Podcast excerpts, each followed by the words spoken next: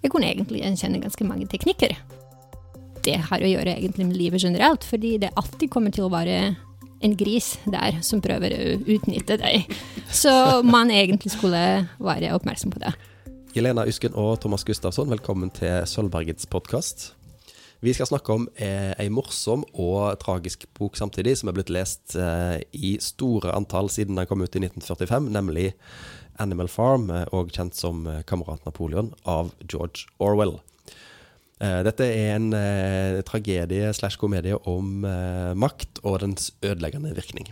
Så jeg har et forslag først som jeg vil eh, bare lufte for dere. Hør om dere er enig i dette. At eh, Animal Farm den bør gis eh, til alle i det norske samfunnet som får makt. Og da snakker jeg alle som blir valgt inn for Stortinget, alle som blir leder av en bedrift, alle lærere, alle elevrådsledere, eh, alle båtkapteiner, alle sersjanter og majorer. Alle, helt til den nederste lederstilling, de bør få utlevert Animal Farm idet de begynner. For å minne de på eh, at de ikke skal bli like grusomme som eh, lederne i den boka. Hva syns dere om dette? Ja, absolutt. Jeg syns det stemmer, egentlig. For den boka er egentlig det er ikke bare politisk. Um, det har å gjøre egentlig med livet generelt, fordi det alltid kommer til å være en gris der som prøver å utnytte deg. Så man egentlig skulle være oppmerksom på det. Altså, eh, det å være leder eller sjef det, altså, det var bare noen dager siden jeg leste i eh, kanskje NRK eller Aftonbladet om, eh, om noen som, som snakket om hans erfarenhet med dårlige sjefer i sitt arbeidsliv, særlig tidlig arbeidsliv. Da. Og hvilken enorm innvirkning det har på helse og produktivitet og alt. Liksom, at det, det kanskje ikke er så dum tanke. Ja, jeg, jeg har lest den kronikken. Vi kan lenke til den i eh, episodebeskrivelsen. Um, Animal Farm, altså. Hva er dette for ei bok, Jelena? Hva er det som foregår i denne romanen? Det er egentlig en allegori, egentlig. Så det er um, George Orwell egentlig bruker dyr uh, og en gård uh, for en scene, for å vise egentlig hva det er som skjer i ekte liv. Men egentlig det er kritikk av Sovjetunionen, og det som skjedde der. Egentlig det er stalinisme. Og det er egentlig en veldig brutal ideologi. Um, og egentlig hele denne boken handler om dette, egentlig. Det er sånn kritikk uh, av misbruk av makt. Ja, men vi har denne historien, selvfølgelig, som ligner litt uh, et eventyr, kanskje. Så det er dyr som vil De vil egentlig bli kvitt uh, eieren, som er en veldig grusom uh, mennesker som vil ikke gi dem mat, som tar ikke vare på dem. Og egentlig det som skjer, det er oppgjøret, og han blir jaget vekk, og det er dyr som egentlig begynner å herske gården. Og det er grisene som overtar makt. De er på toppen. De ser til andre dyr hva de skal gjøre. Og til slutt egentlig viser seg at grisene er kanskje til og med verre enn mennesker. Dyrene eh, setter ned en, eh, en slags lov, regler, for hva eh, hvordan gården skal bli styrt. Og de reglene er jo, er jo ganske fine. Pluss at de har jo helt rett at han er jo ingen bra fyr, han bonden som har eid de. Og de innledende eh, appellene om hvordan dyr, gården skal drives, er jo veldig fine. Hvor er det det går galt her? At, at jeg vil bare si at det, det begynner eh, eh, på en måte med at en, en gammel gris, bokstavelig talt, ikke metaforisk talt, eh, eh, holder en tale eh, og sier jeg skal snart dø, og jeg mener at dyrene blir lykkeligere. Eh, vi, vi får ikke nok mat, og det er ikke fordi at jorden ikke bærer, men fordi at vi har en dårlig leder, liksom, eller eier. da.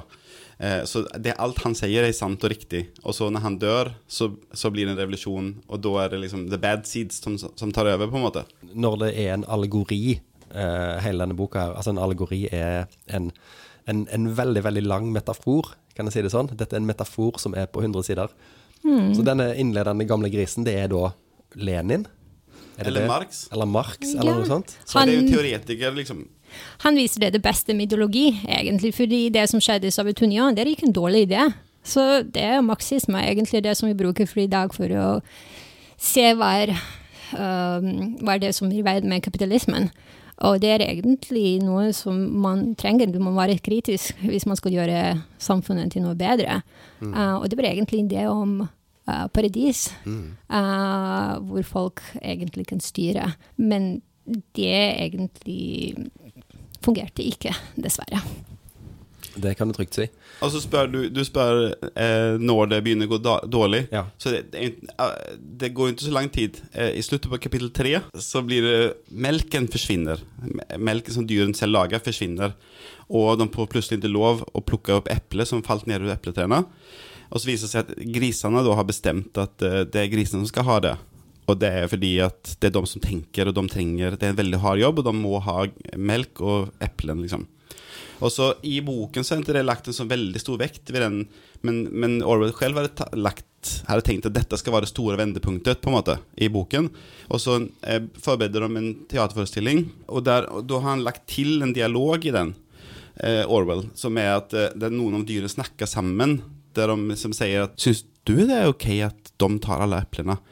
Eh, og så sier en annen "Ja, Ska de ta alla selv? Jeg trodde vi skulle dela på det. Alltså det blir en liten samtale om det. Men så försvann, det, har, det, det är inte med i, den, i boken då. Men så det, för hans del så var det da det snur på en måte. Og at for det første at de bare tar den beslutningen og tar de godene, men også at de andre dyrene aksepterer det med hvisking bare. liksom sånn. Så det er ganske tidlig inne etter revolusjonen på en måte så snur det eh, der, da. At da blir de, fra, fra og med da så blir de forskjellsbehandla, liksom. Ja, egentlig for det opprinnelige det at alle skulle være like.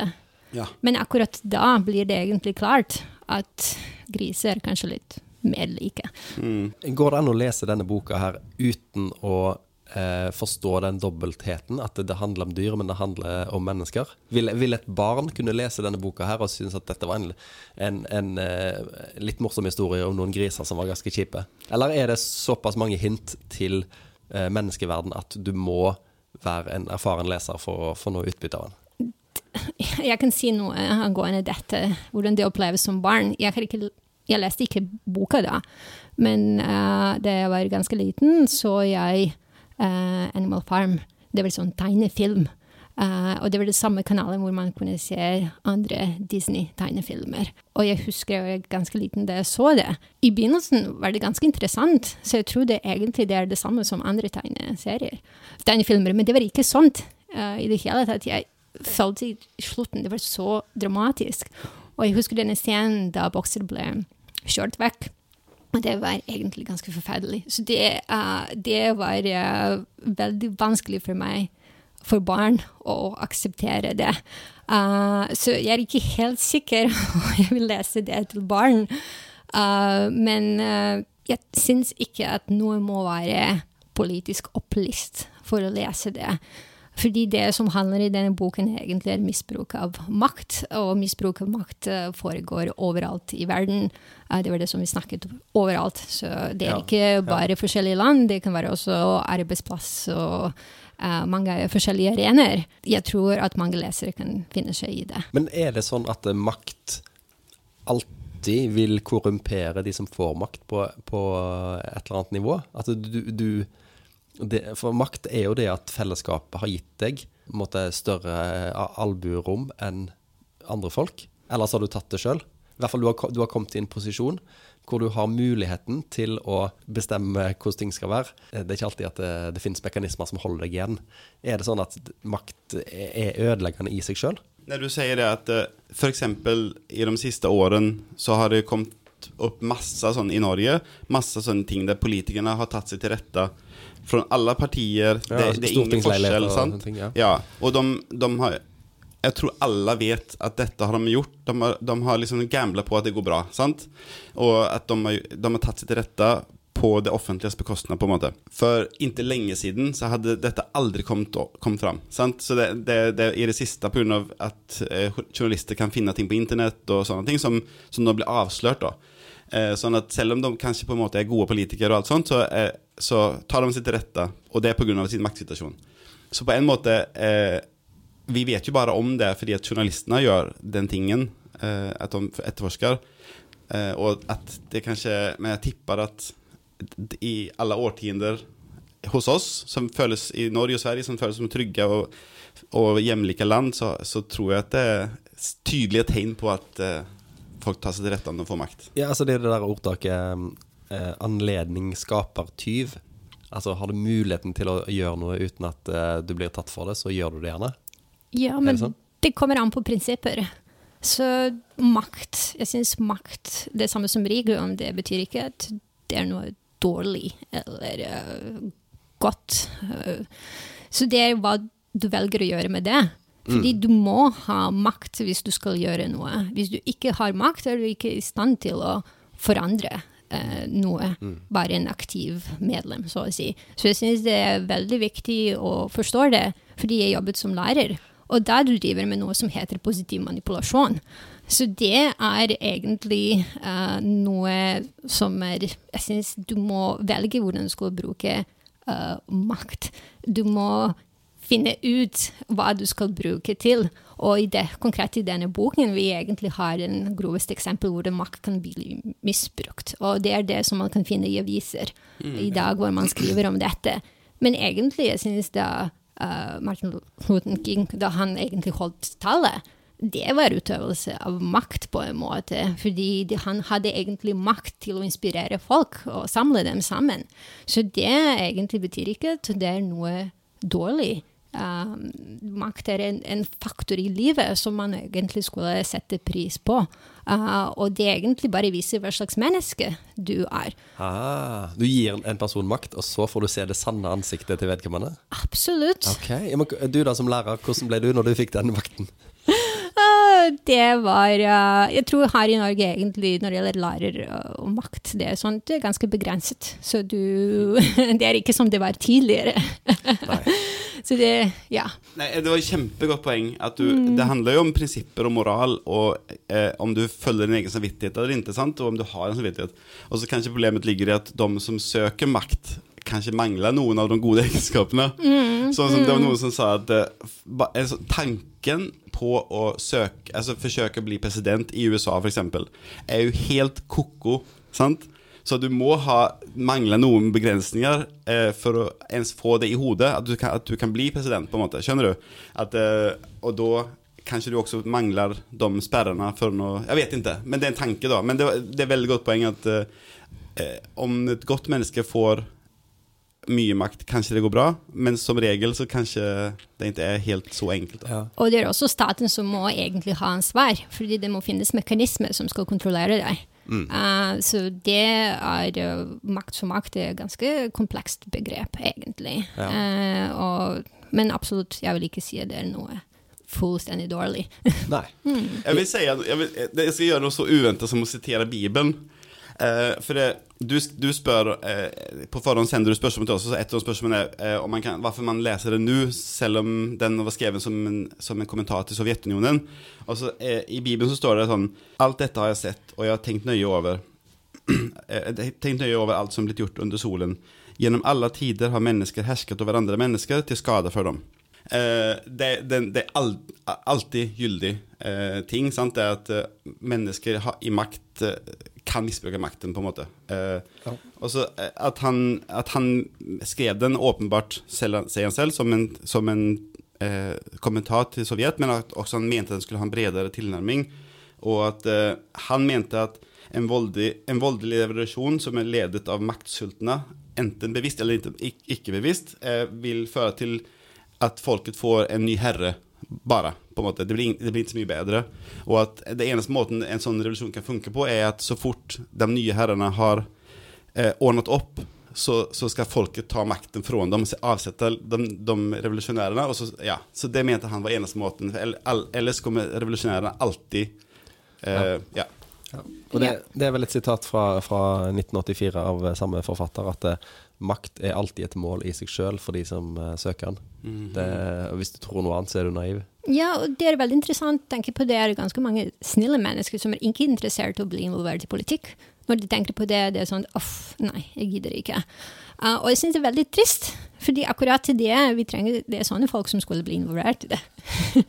ja, men, men, du må kanskje være litt mer konfliktglad enn de folkene er, da. Ja. Hvis du skal være på en utsatt posisjon.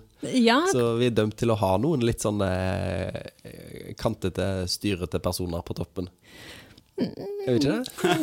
det, det, det kan diskuteres, egentlig. Altså, jeg tror ja. det er bra liv på bakrommet sjøl når Jonas Gahr Støre har internmøter. Selv om han framstår som ekstremt diplomatisk og rasjonell, så er, han vel du blir jo ikke leder i Arbeiderpartiet eller statsminister uten å ha òg den der harde sida. Mm. Jeg, jeg, vil jo si at vi i Norden har jo vært veldig heldige med, med våre ledere i 100 år. At, eh, men de, de, har jo elsket makt likevel. De har jo slåss for å få den makten. Og det, det var maktkamp i Arbeiderpartiet Norge som var stenhård, har vi jo forstått. Et, sant?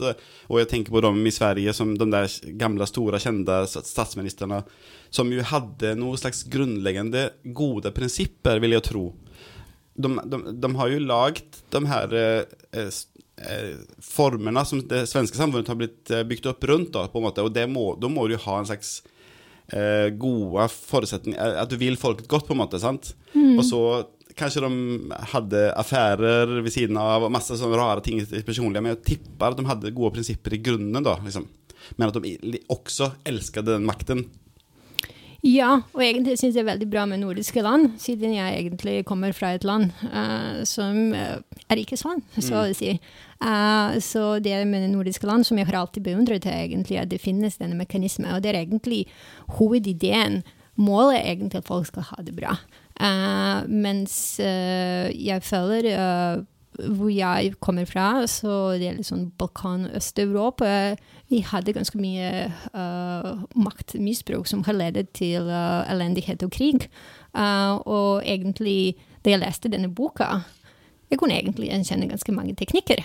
Som, som for eksempel Jeg vil ikke nevne hvilken president var det, men det er alltid sånne referater. Å, vi, vi har klart å produsere så mye mat. Nå lønna har gått opp. Pensjonister før høyere pensjon. Um, så eh, det er noe i denne boken som egentlig minnet meg om ganske mye ja. som skjedde. Mm. For å snakke litt mer om, om selve teksten, da. Mm. Hva, hva, er virkemidlene som grisene har for å holde dyrene, de andre dyrene i sjakk? en rekke ting. Altså, de har sånn de har, eh, jeg, jeg, leste den på engelsk nå, så jeg er usikker på hva han heter på norsk. Men de har på en måte en sånn propagandaminister. Mm. Han heter Squealer på engelsk. Ja. Hva heter han på norsk? Det er Skrikhals. Å oh, ja, ok. Da, eh, han, han, springer rundt og forteller om Altså, då, For det første utnyttjar grisarna at de er mye smartere enn alle andre dyrene. De, de, andre dyrene kan enten läsa veldig dårlig eller ikke läsa alls. Och de, eh, de manipulerer jo dyrene til hela tiden till å, till att tro åh ja, var det sånn det var? Jeg hadde misforstått. At det hele tiden blir sånn, då. Alltså, de her reglene, eller levereglene, de har spikt opp på veggen til loven. De endres jo hele tiden. Det, det, kan være enkle ting som at dyr ikke skal, eh, skal drikke alkohol, f.eks. Og så endres det etter hvert til at de ikke skal drikke alkohol eh, til overmått. Liksom. At, ja, og, og, til slutt så er det Ja. Det. Dette her forvirrer jo til og med meg. Altså, Jeg måtte bla tilbake når disse grisene kommer med de nye reglene. Sier, men det var jo ikke det det sto. Og så bla jeg tilbake. Nei, det var ikke det det sto. Og jeg er jo et menneske. Jeg er ikke, jeg er ikke en hund. Og det stemmer egentlig. Og jeg syns egentlig det er det samme metoder som nevnes i 1984, fordi de konstant Grisene ja. endrer språk. Yes. Double speak, liksom. Yes. Ja, for å egentlig endre historie. Fordi ja. det som skjer egentlig, det er ikke bare disse bodene som blir endret over tid, det er egentlig historie. F.eks. historium og Snøball. Ja. Uh, hele hans karakter og alt som har gjort, blir fullstendig endret. Uh, Vi må se hvem Snøball er, da. Hvem, altså, hvem er han i boken? Mm -hmm. Han er jo en av de opprinnelige ledergrisene. Men som taper maktkampen mot uh, kamerat Napoleon og må flykte fra gården. Og så begynner historien å gå, å gå om at eh, nei, han var, ikke, han var jo ikke grei i det hele tatt, og han var egentlig på menneskenes lag. og han er, han er, en dekorert krigshelt, på en måte, og så blir han, blir, blir han mer, snakka ned. Liksom. Ja. ja. ja og det, mm. dette er jo selvfølgelig en eh, åpenbar uh, parallell til virkeligheten. Ja, så de har egentlig fullstendig uh, Ja, han har blitt noe som han ikke er, egentlig. Ja. Og de egentlig bruker det uh, for å ikke herske uh, andre dyr. Fordi de prøver å huske. Ja. Men det bare går ikke, rett og slett. Fordi ja. de får motstridende informasjon av Skrikhals ja. hele tida. Og dette jo en, eh, går jo enda tydeligere igjen i 1984, som kom eh, noen år senere, av mm. samme forfatter. Altså, de, de, altså de, det er sånn gaslighting, liksom. At de, Nei, nei, du husker feil. Altså, eh, også, men i tillegg til den manipulasjonen, da, den, så er det også ren frykt.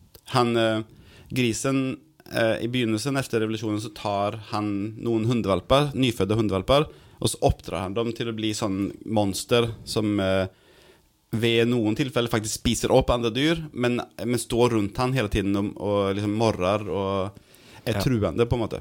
Mm, mm. Og, og han eh, øh, Hva heter han? Han som blir øh, Han som vi snakket om akkurat. Han, Snowball. Snowball, ja. Han er jo da en ganske tydelig parallell til Trotskij Ja, i, i, virkeligheten. Sant? Denne revolusjonshelten og sjefen for Den røde armé som eh, tapte maktkampen mot Stalin og måtte flykte bl.a. til Norge og senere Mexico, og så døde han med isøks i hodet eller et eller annet sånt eh, Det var hammer. i 1940. Isham, ja, men det var noe sånn isaktig, var det ikke? Var det? Det er Hammer, ja. han, fikk en, han fikk noe i hodet som ikke er bra for deg, og så døde han Mm, i 19, det. Det var 1940 i Mexico. Ja. Det var ganske ubehagelig, det husker jeg. Ja, ja. Og han, han ble drept av sine egne. Ble drept av sine egne. Eller det var vel Stalin sine eh, agenter som på en måte Mm. infiltrerte miljøet rundt han. Eh, dette kan dere google for å få mye mer Det er presis KGB, informasjon. jeg tror det. Og ja, Ja. i boka vi skulle nevne disse hundene som du snakket om, det er sånn, de symboliserer KGB. Det må være KGB, Mhm. ja, ingen tvil. Og så, eh, et, unnskyld eh, i, I tillegg så har de en sånn eh, rar greie at de har Han oppdratt sauene Når det blir diskusjoner, eh, så har han oppdratt sauene til å begynne å synge kjempehøyt. Hva, hva er den heter nå? Um, Englands dyr, Eh, den sangen. Beasts of England, ja. Ja. Så, så bare synger sauene eh, En gang så var de en halvtime i strekk, og så når, når de vel slutta å synge, så hadde folk eh, dyrene glemt hva de egentlig ville protestere mot, på en måte. Mm. Så de, eh, han har en slags sånn kor Jeg vet ikke hva, hva det kan være. Eh, vet, em, Det må jo være en slags eh, massemanipulasjon eller noe sånt. da At du får At du har en eller annen ting som folk bare eh, gjentar og gjentar, og så, og så tar du oppmerksomheten vekk fra Og ikke bare det, det er en scene hvor uh, dyr kommer og tilstår ting som de ikke har gjort. Og jeg synes det var et veldig skrekkende øyeblikk i boka, hvor de, og da du Det er ikke eksplisitt sagt hvorfor er det sånt, men da du kan begynne å lure på hva som skjedde tidligere bak døra. Kanskje de ble troet, kanskje de sa de skulle uh, drepe deres familiemedlemmer, uh, eller noe lignende. Og sånne, uh, sånne metoder var brukt ganske mye i Sovjetunionen. Ja, du hadde disse Moskva-prosessene på 30-tallet, hvor Ja. tusenvis ble drept fordi de sto i veien for et eller annet. Mm. Men en ting jeg lurer på da, nå sitter vi her og, har et slags sånn kryssord. Vi, vi prøver å finne ut eh, hva i virkeligheten er det Orwell sikter til når han skriver sånn og sånn. Eh, er det eh, Mister vi ny, noe av den opprinnelige eh, slagkraften i boka fordi at eh, vi er ikke så oppdatert på sovjetisk historie som de var i 1945?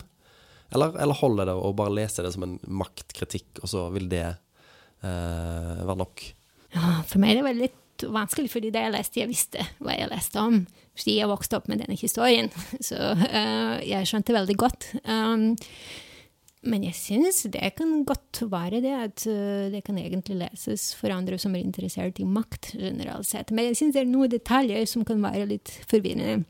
Særlig det som jeg snakket om, egentlig, hvor de, de, de tilstår. Det er noe uh, øyeblikk i bok hvor du egentlig trenger Jeg tror du egentlig trenger litt sånn historiske referanser uh, for å forstå, det, forstå hva egentlig det uh, handler om. På Instagram så, eh, så har jeg en sånn bokkonto, sant? og da skrev jeg om denne boken. Og var ikke så veldig entusiastisk. Og fikk enormt mye kommentarer, både sånn offentlige, men også meldinger. Der, der folk Noen var forbanna, eh, og noen forklarte hva de mente. Og så det er helt tydelig, sånn som du sier, Lena, at om han, om han vokser opp i den typen samfunn, f.eks., veldig aktuelt nå med Iran, så har det flere iranske følgere som fortalte meg hvordan de brukte altså At det føles eh, De kjenner igjen det, på en måte. Og at, eh, at til og med de bruker det eh, som eh, eh, daglig nesten som referanser på en måte når de snakker om, sine, om lederne eller måten de snakker på. At, se hva de sier, vi vet jo hva som er sant. Det er ikke lett å være diktator i, i 2022, liksom, når, når, du, når folk vet alt pga. internett, og du kan alltid få, få, få vite hva som egentlig skjer. sant? Om du har internett. Ja, du har internett, men, men det fins VPN og folk blir mer og mer flinke, og det er mange ungdommer som involverer seg, og de har kontroll. Liksom, at Nesten uansett hvor du bor hen så kan du få veta hva som egentlig skjer. Ryssland også. Men ehm, det er helt tydelig at, at ens perspektiv eh, eh, har veldig inverkan på Ja. hvordan man leser boken. For jeg syns at den var altfor platityd och enkel og liksom, men overtydelig, da. Men, så, men så blir den jo bedre og bedre når det blir mørkere, føler jeg. Men det er tydelig at med perspektivet du sitter med, eh, innvirker veldig på hvordan man leser den. Men det kan jeg vet ikke om, hvor, hvor langt Orwell tenkte når han skrev den, men det kan jo tenkes at han, han, han hadde en, eh, et slags mål om at det skulle være en, eh, en slags håndbok for eh, deg som lever i et diktatur. da. Altså, Sånn som det nå brukes i Iran, sånn som du sier fra Instagram-kontoen din, at folk bruker det som en slags sånn For å avkode leder, leder, lederne i landet sitt. Så, mm. så, kan en ha Animal Farm liggende ved siden av nattbordet, og, eller på nattbordet, og, og kjenne igjen det som skjer rundt seg. Ja, fordi George Orwell egentlig han var idealist. Han var egentlig sosialist. Ja, han var sosialist, ja. Uh, og det er veldig interessant egentlig at han kritiserer regimet i Russland, som egentlig sånn, kommunisme og sosialisme er knyttet sammen. Men egentlig det som har kritisert det, det var egentlig uh, korrupsjon av makt, når jeg syns han ble veldig rystet av alt dette som skjedde. Fordi det er noen som egentlig tar makt og misbruker idealer for å skaffe seg rikdom og mm. makt. Og jeg tror det var noe som inspirerte ham til å skrive både um, uh, 'Dyrens gård' og 1984. Mm. Og han skrev begge bøkene uh, på 40-tallet. Man kan se at det var en periode som uh, påvirket ham veldig sterkt. Ja. Og hmm. Vi, vi, kan jo snakke litt om 1984 sett opp mot denne boka her, for vi har spilt inn episode om 1984 før. Jeg opplever de to som veldig forskjellige i stil. Hva syns du, Thomas? Jeg er helt enig. Jeg elsker jo 1984. Jeg synes, og den, den, den, er så klaustrofobisk når du leser den. Så, så kneps det til liksom litt og litt og litt, så blir det verre og verre og verre å lese den. Du, føl, du får følelsen av hvor trangt han, han eh, hovedpersonen lever. Uh, og at det fins egentlig ingen måte å slippe unna på. Eh, eh, mens den her er jo tydeligere liksom med hva den vil Altså, jeg vet ikke helt. Det, det er en veldig annen tone. Den her er som et, e et eventyr. Jeg leste den da jeg var ti år, tror jeg. Min, min pappa tok en slags skole, og så hadde de lest den på hans utdanning. Og så sa han denne syns jeg du skal lese, sa han til meg. Og så, altså, tenker sånn, Om jeg hadde lest den her med min datter som er tolv, så hadde jeg villet snakke med henne om det mens jeg leste, men det, jeg, fikk bare, jeg fikk bare lest denne boken. Du hadde så mange søsken, det var ikke tid til det. ja, så, så, jeg leste den. Jeg, jeg vet ikke Jeg, jeg, jeg trodde jeg fikk kjempemye ut av det. Men du, jeg forsto jo, hva, jeg jo liksom, hva som skjedde. Mens 1984 eh, er mer eh, føles som en mer voksen tekst. Jeg er ikke sikker på hva hans, hvorfor han gjorde det på den måten. da Men det er jo mye av det samme, mens den her er jo litt mer satirisk, mens den andre er ren Jeg vet ikke. Ja. ja for det, det, det, som slo meg når jeg leste uh, Animal Farm, var at uh, den er skrevet litt samme, sånn, med det samme humøret som grisene har. At det, han er skrevet veldig sånn rett fram. Nei, hei, hei, her, så trivelig vi har det på gården. Uh, altså, han går ikke Han bare forteller ting. Og så Det er ikke Altså, han Jeg vet ikke hvordan jeg skal forklare det, men at han det er skrevet med et veldig godt humør, selv om det er grusomt, det som står der. Gir det mening? Kanskje, ja, kanskje det jeg savner. At jeg, jeg savner en slags dybde. Altså, alle er så tydelige karikatyrer, på en måte, eller typer, da. liksom. Altså, men, men, så når jeg hører deg fortelle, eller, eller jeg fikk, har fått meldinger fra andre, liksom, at, de, at om du har sett de her mekanismene i virkeligheten faktisk har påvirket på ditt liv, så er det annerledes, liksom. At, ja. Ja. ja, fordi jeg falt til det samme. Så det er eventyrdyrens uh, gård. Men jeg tror George Orwell vil ha det. Han vil ha en slags typisk uh, karakter som skal symbolisere visse personligheter og en spesiell situasjon. Og da jeg leste eventyrbegynnelsen, som du ser, det er veldig tonene var ganske oppløftende. Ja, jeg synes det. Så det er revolusjonen kommer. Vi kommer til å bli frie endelig. Ja. Ingen skal parasittere på oss, uh, men til slutt det blir ganske mørk og dystopisk. Og egentlig, jeg vil si kanskje det samme tonen som 1984. Så det 1984 er sånt, det er mørkt i begynnelsen, det er mørkt i slutten. Ja. Mens uh, når det gjelder uh, Dyrens gård, så det er litt sånn at du har sånn høydepunktet, og da ting bare går ned. Ja.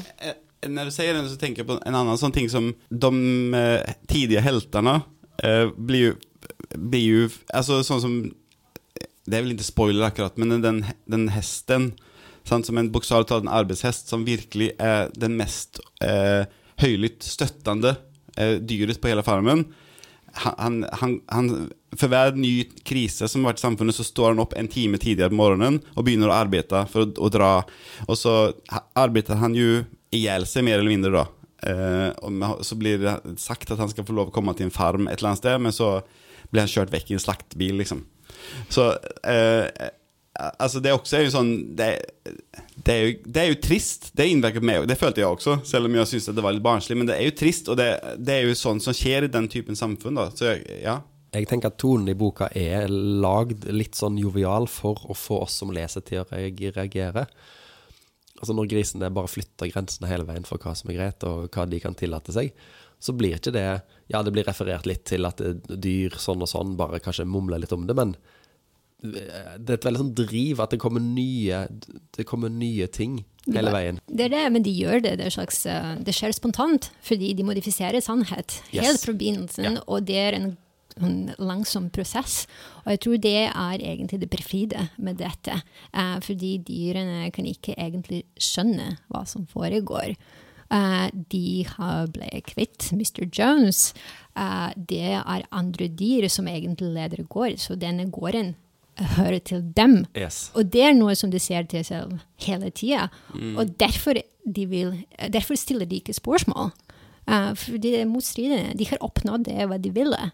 Og egentlig det er det ironiske, fordi grisene har klart å overbevise dem at det er sånt. Og det er bare Benjamin som er Essel som egentlig forstår hva som foregår der, men ser ingenting. Så han er på en måte intelligent nok til å skjønne det. Men det er egentlig denne De kan ikke se. De forstår ikke hva som foregår. Det er bare i slutten av romanen at de kanskje skjønner hva som har skjedd, men Jeg har, eh, jeg har fun fact. Eh, altså Sjefsgrisen heter Napoleon, men i den franske oversettelsen så heter det ikke eh, kjøpen Napoleon, men Cæsar. og så i tillegg, så, mens jeg holdt på å forberede meg til podkasten, så kom jeg på den tingen som skjedde på 90-tallet, når Telia og Telenor skulle slå seg sammen. Ja. Og, og den svenske næringsministeren kalte Norge for den siste sovjetstaten. Ja. veldig Hva har det med dette å gjøre, egentlig? Ingenting. Du vil bare si noe stygt om Norge? Nei, det var jo s- eh, svenske ministeren som, som var kjip og, og eh, egentlig saboterte den dealen. Så du, du, mente, du mente ikke å si at han hadde rett? Nei. Nei. Dessverre det den siste KS-vedstøtte. Ja, det er Sverige som er det. Du gjorde det. Hvorfor er dette en klassiker, eh, Jelena? Fordi det er en universell historie om kamp. Um, det er noe som kan um, anvendes til enhver tid, enhver sted i verden. Um, selv om det er som er blitt sagt, det er noen politiske referanser.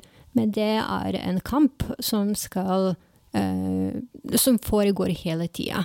Og jeg syns det er egentlig veldig bra å lese sånne bok, fordi Det kan få deg til å begynne å stille sånne kritiske spørsmål, og ikke ta alt som god fisk. Eh, Vi har jo forsøkt å definere hva vi mener er en klassiker da, i denne serien. Men, eh, og det var liksom det med at eh, mange generasjoner, at det er allmenngyldige sannheter og sånn som det.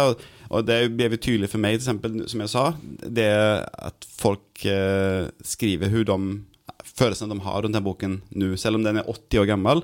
Og også når man ser, eh, uten å nevne navn, eh, så når man ser folk som får de her tendensene nå, når de får makt, sant? at det, plutselig er det ingenting som er helt sant og he eller helt falskt, og det endrer seg etter omstendighetene, og tar seg til rette, og ikke, altså sånn, det, det er tydelig at det er, at det er noe han så som fortfarande eh, skjer med mennesker med makt som har rare motiver da.